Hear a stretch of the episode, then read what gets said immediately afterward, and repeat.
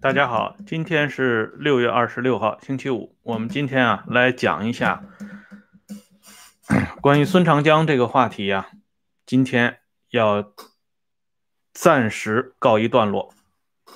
今天来讲一讲聂荣臻晚年为何地位猛增，邓小平拉拢聂荣臻、彭真，隐形对抗陈云。这个蝎子就是由孙长江这件事情集中做了一个小小的体现。昨天的节目里边已经讲到，孙长江被王震赶出中央党校，后来孙长江去了科技日报担任副总编辑，在林自新身边工作。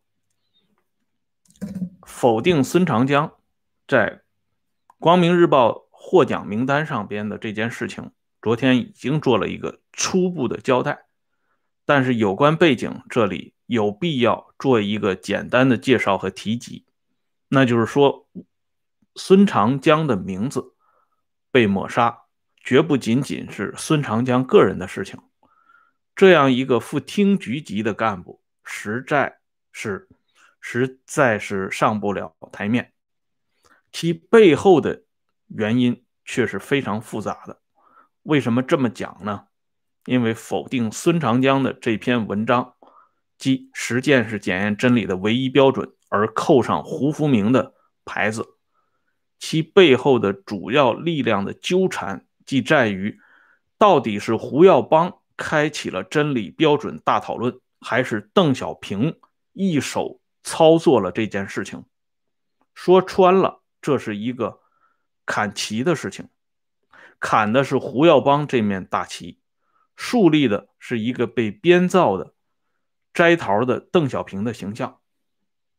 所以这里边就引出另外一个小话题，昨天没有完全说清楚的一点，即胡耀邦背后的这一批知识分子和赵子阳身后的这一批高级官员，他们在某些方面。有一个非常突出的不同点，就是赵身后的包括杜导正这些人，他们对于邓作为改革开放的领军人物始终是臣服的。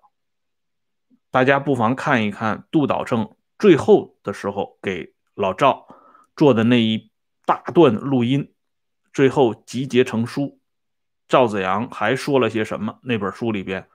倾注了杜导正这一大批啊挺赵派的这些人物对邓的感情，甚至呢，他们可以忽略邓晚年干的那件非常之事，只要邓在，他们认为改革开放的这面大旗就在。这是赵身边的一批官员的共同看法。当然，在赵的这个阵营当中，也有否定邓的人。这个不需一一列举，而胡这边呢，比如说阮明，阮明写的那本书啊，就是写邓小平的那本书里边，对邓就在很早的时间里对邓就进行了全盘的否定，这在整个啊，在整个八十年代思想解放的那个浪潮里边的众多知识分子里边是不多见的。所以说，阮明这个人的啊，他的身世、他的政治经历还颇有可议之处，有很多争议。这个我们不去讨论，仅就他的一些看法和眼光，在这里作为一个重点来提出。阮明、孙长江、吴江在胡耀邦、邓小平的这些看法问题上，他们的观点是站得住脚的。那么，孙长江到了科技日报做了副总编辑以后，所谓树欲静而风不止，人家的眼光死死的盯在他的身上，不是为了盯他，而是盯他背后的胡耀邦。一九八六年，据原来中共中央宣传部理论局副局长李鸿林的回忆。呃，一九八六年十一月一号，就是当时正在北京举行的全国哲学社会科学“七五”规划会议上，胡耀邦在十一月一号这一天突然就来了，这是他自从一九七九年理论工作务虚会闭幕以后，第一次跟理论界的人士进行会见。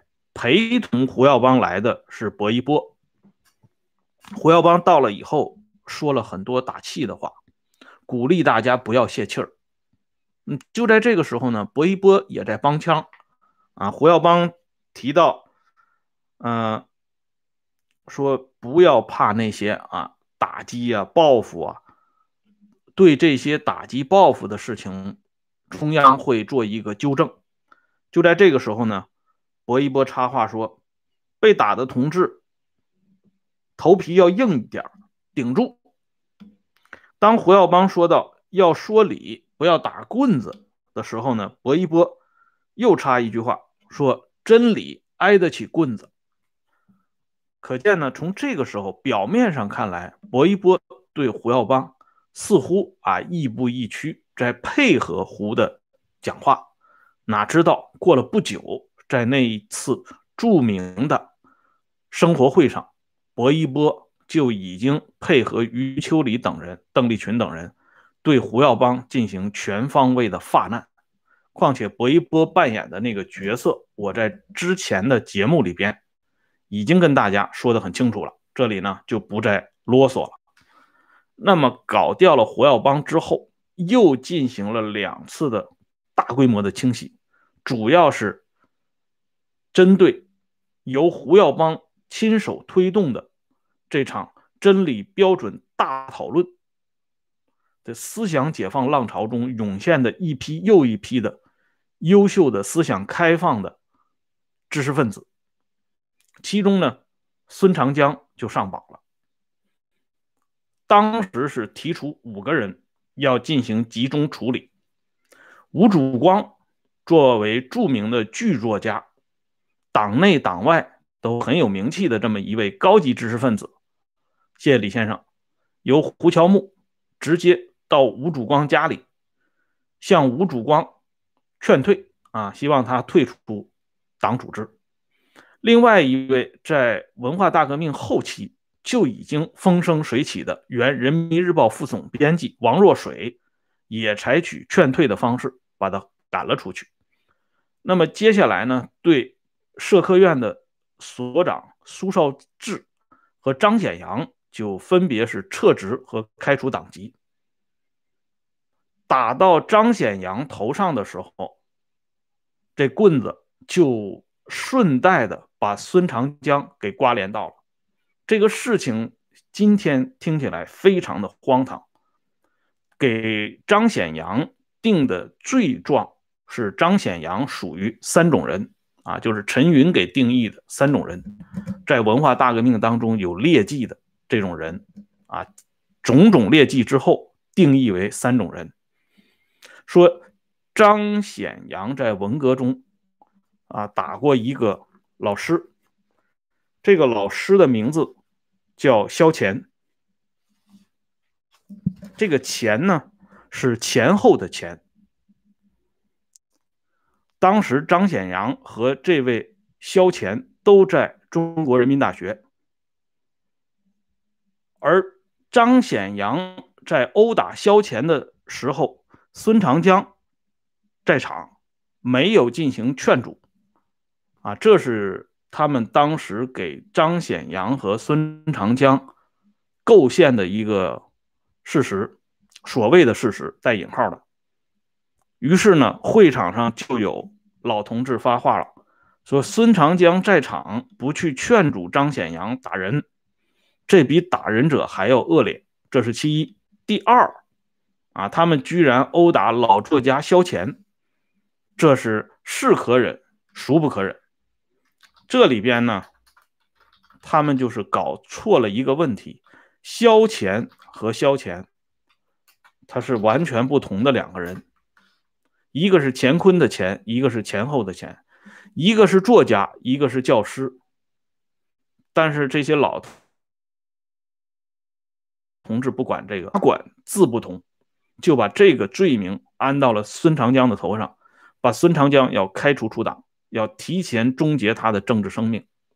就在这个时候，啊，在孙长江举目无亲啊，没有办法的时候，孤立无援的时候，聂荣臻出面了。聂荣臻力保孙长江。为什么会有这样一幕呢？因为刚才我已经提到，孙长江到科技日报担任副总编辑，科技日报的总编辑叫林自新，林自新曾经长期在聂荣臻手下工作过，聂荣臻对林自新的印象非常之好。当林自新求告无门，找到聂荣臻的时候，谢谢张先生啊，您多次支持咱们这个节目。聂荣臻二话没说，马上写信给陈云，就是说孙长江何许人也，我并不认识，但是林自新同志，我跟他打了很多年的交道，我认为林志新同志是一个老实的同志，他讲老实话，办老实事，所以他提出来。对孙长江同志要进一步的审核啊，审查和核实情况，我认为这是可行的。这封信呢写的不短，送到陈云那里以后，陈云的态度马上就变了。陈云指示下边对孙长江的问题要从长计议，谨慎处理。于是呢，孙长江就逃过这么一劫，后来调到北京师范学院。北京师范学院就是今天的首都师范大学，去教书，一直到他退休去世。孙长江是虎口余生这么一个过程。这样呢，我们就看到聂荣臻为什么一封信就能把这个素未平生的孙长江解救下来，这就引出聂荣臻晚年的他的政治地位为何如此的引人注目。这里边呢？就关联到了邓与聂荣臻、彭真结成铁三角，或者说三个人的关系走入历史上从未有过的蜜月期。他们三个人呢，隐形对抗陈云、薄一波和王震。啊，昨天就有人提出来说，薄一波不是邓小平的代言人吗？怎么忽然站到邓的对立面那里边呢？哎，天下就是这样。啊，这种他们这种高层的权力运作从来都是这样，今天是哥们儿，明天可能就谁都不认识谁了，非常正常。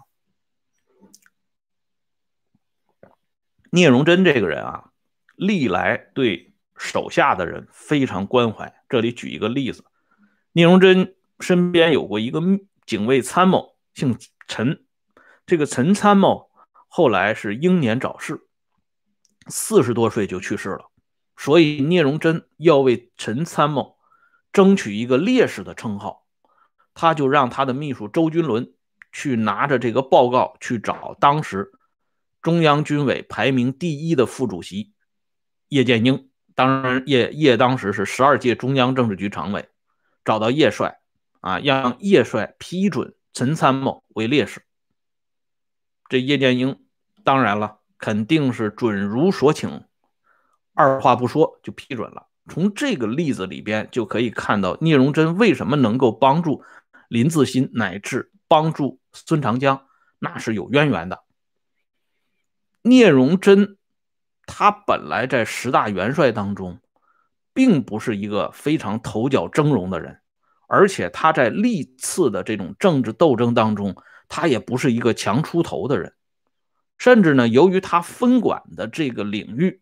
啊，国防科技让他长期呢陷入到这种事务性的工作当中，他愿意给那些扎根在国防科技战线的知识分子争取待遇啊，争取名誉，争取地位，乃至啊这些什么分房子啊、离退休的时间限定等等这些琐碎的小事儿，聂荣臻都是不厌其烦的去做，所以这个人给人的感觉。似乎一直被排斥在权力的核心圈之外。可是呢，他的晚年身上闪烁的这种马克思主义光芒真的很夺目的。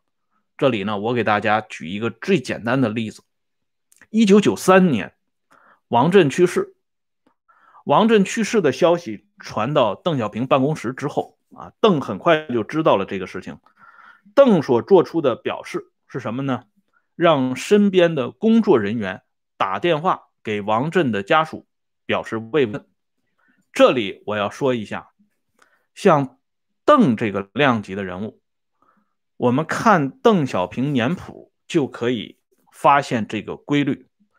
他对于哪一位元老级人物或者是高级领导人，他们之间关系的薄与厚。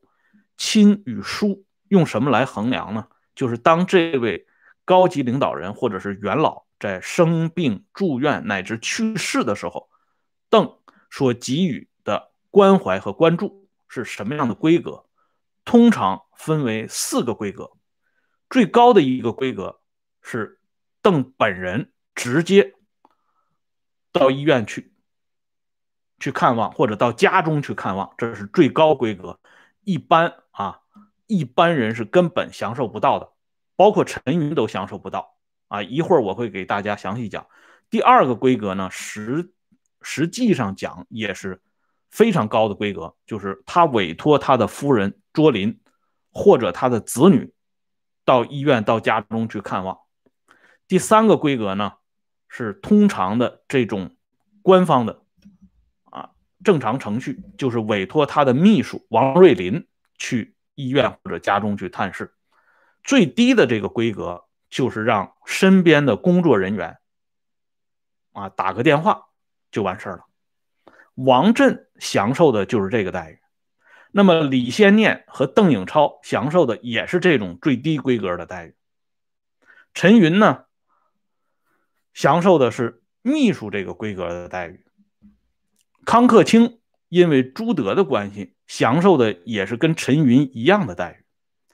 然而聂荣臻和彭真这两个人，他们两个人享受的待遇却是最高规格的待遇。这里边我给大家举一个例子，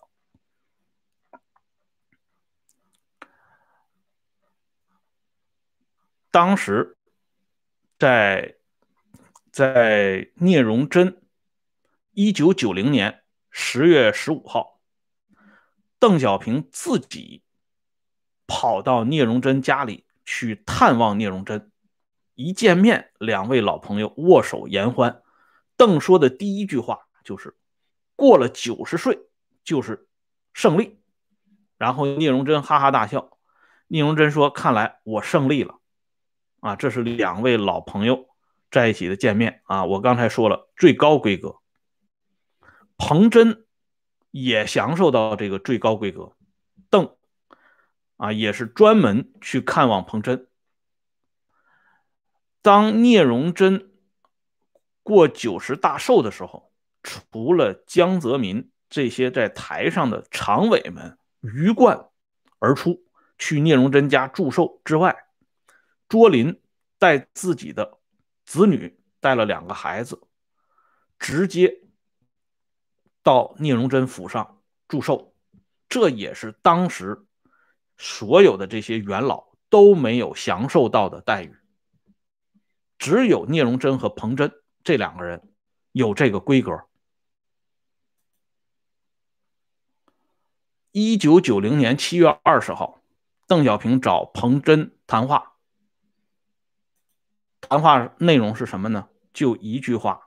啊，因为邓年谱介绍的很简单，就一句话：邓小平要彭真管大事儿，管一些大事儿。什么叫大事儿？那当然首推首推的就是中央人事工作。而当彭真住院的时候，邓小平都是委托自己的老伴儿卓林，或者是秘书王瑞林，或者是。中央政治局候补委员、全国人大常委会副委员长王汉斌啊，王汉斌做过彭真的副手，就是委托这样三个人分别去探视彭真，这规格就在这里。其中呢，聂荣臻的规格还要更高一些，因为邓是两次到聂荣臻家里，而且从后边啊，八十年代后期。聂荣臻的种种作为映射到邓与他之间的这种关系上边，就显得非常的有意思。这里呢，我们选取一个例子：一九八六年八月十三号这一天，王震代表中央的这些主要的元老去看望聂荣臻，不是简单的看望，主要是就中央人事安排问题征求聂荣臻的意见。聂荣臻当时通过王震向中央转达了一个备忘录，备忘录呢就是聂荣臻的一些原话，让王震带回去。这里所说的元老啊，一直以来呢，国内国外的一些媒体上通常说是八老啊，八个元老，其实是不准确的。据聂荣臻的女儿聂丽回忆。当时中央决策的是三老四号七个人啊，就是七位元老。三老指的是邓小平、陈云、李先念，四号就是比照汉高祖刘邦的商山四号啊，就是聂荣臻、徐向前、邓颖超、彭真四个人。所以所说的顶尖级元老人物就这七个人。后来在中共十三大之前，上层达成妥协，三老半退，四号全退啊，这是当时中央有决议的。所以这里呢要澄清一点。那么聂荣臻通过王震向中央转达的备忘录的内容是什么呢？他是说，我们的党要有自己坚强的领袖。现在。我们党实际上的领袖就是小平同志，他是众望所归，自然形成的。无论党内外、国内外一致公认他是我们的领袖，所以小平同志不是退的问题，而是继续往前进。只有小平同志在，军心、党心、民心才会稳定。啊，这个我就简短截说，因为他这个备忘录很长。这个备忘录交到中央以后，邓小平看了以后就说了一句话：“聂老总想的真周到啊！”所以呢，咱们就可以看出来，邓和聂之间的关系不仅仅是历史上的啊，躺在功劳簿上睡大觉那是靠不住的。关键是还是江青的那句话：“为人民立新功啊！”聂帅呢，在晚年又为人民立了新功了。我们都知道啊，彭真和聂荣臻在历史上，他们俩是有渊源的。当初中央晋察冀分局书记是彭真，晋察冀分局委员是聂荣臻，聂荣臻负责军事工作，啊，彭真抓种。如果把时间再往前推，我给大家讲过彭真的系列啊，我们都知道彭真当初被关押的时候，关在国民党的监狱里边，是聂荣臻给彭真送去奶粉和鱼肝油。啊，这两个人的关系是很久的，所以后来就发生了这样一件事情。什么事情呢？在一九九零年二月十三号，彭真把模范边区晋察冀电视片摄制组找去之后呢，做了一番讲话。那么到了二月十三号这一天，聂荣臻接见了这个摄制组，聂荣臻提了一条意见。他说：“彭真同志的讲话很好，但是彭真同志说以聂荣臻同志为首的晋察冀根据地这个提法，你们不要提了，我不赞成。应该提以彭真、聂荣臻同志为核心的，把彭真同志放到我的名字前面，因为他是书记。啊，从这个。”简短的这一次会面里边，我们也可以看到这彭真和聂荣臻之间的关系。那么接下来很多事情就顺理成章了。在整个八十年代后期，聂荣臻是频频出面啊，尤其是在一九八六年十月份，刘伯承和叶剑英去世以后，聂荣臻已经成了凋零。带进的十大元帅的唯一的代表。实际上，聂荣臻比徐向前的资历啊要深一点，因为徐向前是黄埔一期的学生，而人家聂荣臻是黄埔军校的军事教官，那教官比学生当然要高一规格。所以后来黄埔同学会成立的时候，徐向前当会长，那么聂荣臻呢就当特别顾问，就是这样一个规格。因此，我们看到后来聂荣臻啊，他不仅仅是这个十大元帅的唯一正确代表，而且呢，他还是红一方面军的代表、红一军团的代表、晋察冀边区的代表、华北局的代表。广州起义的代表，种种代表啊，都被他啊这个一个人就给代表了，而且他那个时候啊，很多事情最终都要找聂帅出面，比如说李富春传记要题写书名，李富春的文选啊都要由聂帅来提，平津战役、广州起义的一系列活动的题词要由聂帅负责。周恩来同志早期革命活动的见证人也要由聂帅来出面，邓小平同志在法国勤工俭学期间的一系列革命活动的旁证也要由聂帅出面。啊，航天工业搞得好与不好，一九八八年李鹏代表中央到聂荣臻府上征求意见，聂荣臻告诉他，不光要把航天工业搞好，还要把农业抓上去。李鹏拿个小本在旁边刷刷的记。啊，一句话都没有。啊，这一年呢，啊，广播电视部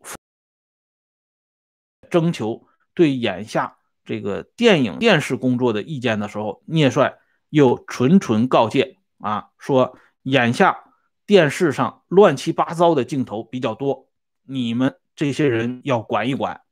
啊，于是呢，这陈浩书也是拿出小本刷刷的记，啊，就是说。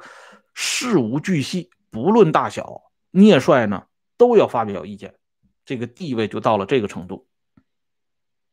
正是由于第十三届中央顾问委员会啊，陈云担纲之后，王震、薄一波作为中顾委的两位副主任哼哈二将啊，出现在陈云的身边，这样呢，以中顾委这样一批人，而以中央军委包括后边退下来啊。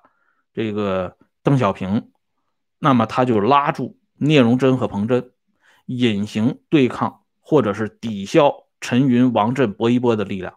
这是他们在晚年的一次啊，不是面对面的隐形的一次较量。在这场较量当中，聂荣臻的分量是举足轻重。当时聂力曾经提供过一个家庭的照片，就是聂荣臻、邓小平、李先念。他们坐在那里，杨尚昆站在后边，这四个人一起合影照了一张相，所以这就回应了刚才我讲的这党和国家的七位元老的地位啊。杨尚昆那只能站在后边，他没有资格跟这三个人坐在一起。好了，今天呢，关于这个话题呢，我们就说到这里。接下来呢，我跟大家简单的预告一下，就是我们要专门花这么几期时间，来还原一下一个真实的华国锋，啊，把华国锋在历史上应有的地位和作用，做一个比较详细的介绍。欢迎大家届时上来收看，感谢今天朋友们支持和收看，我们明天接着聊，再见。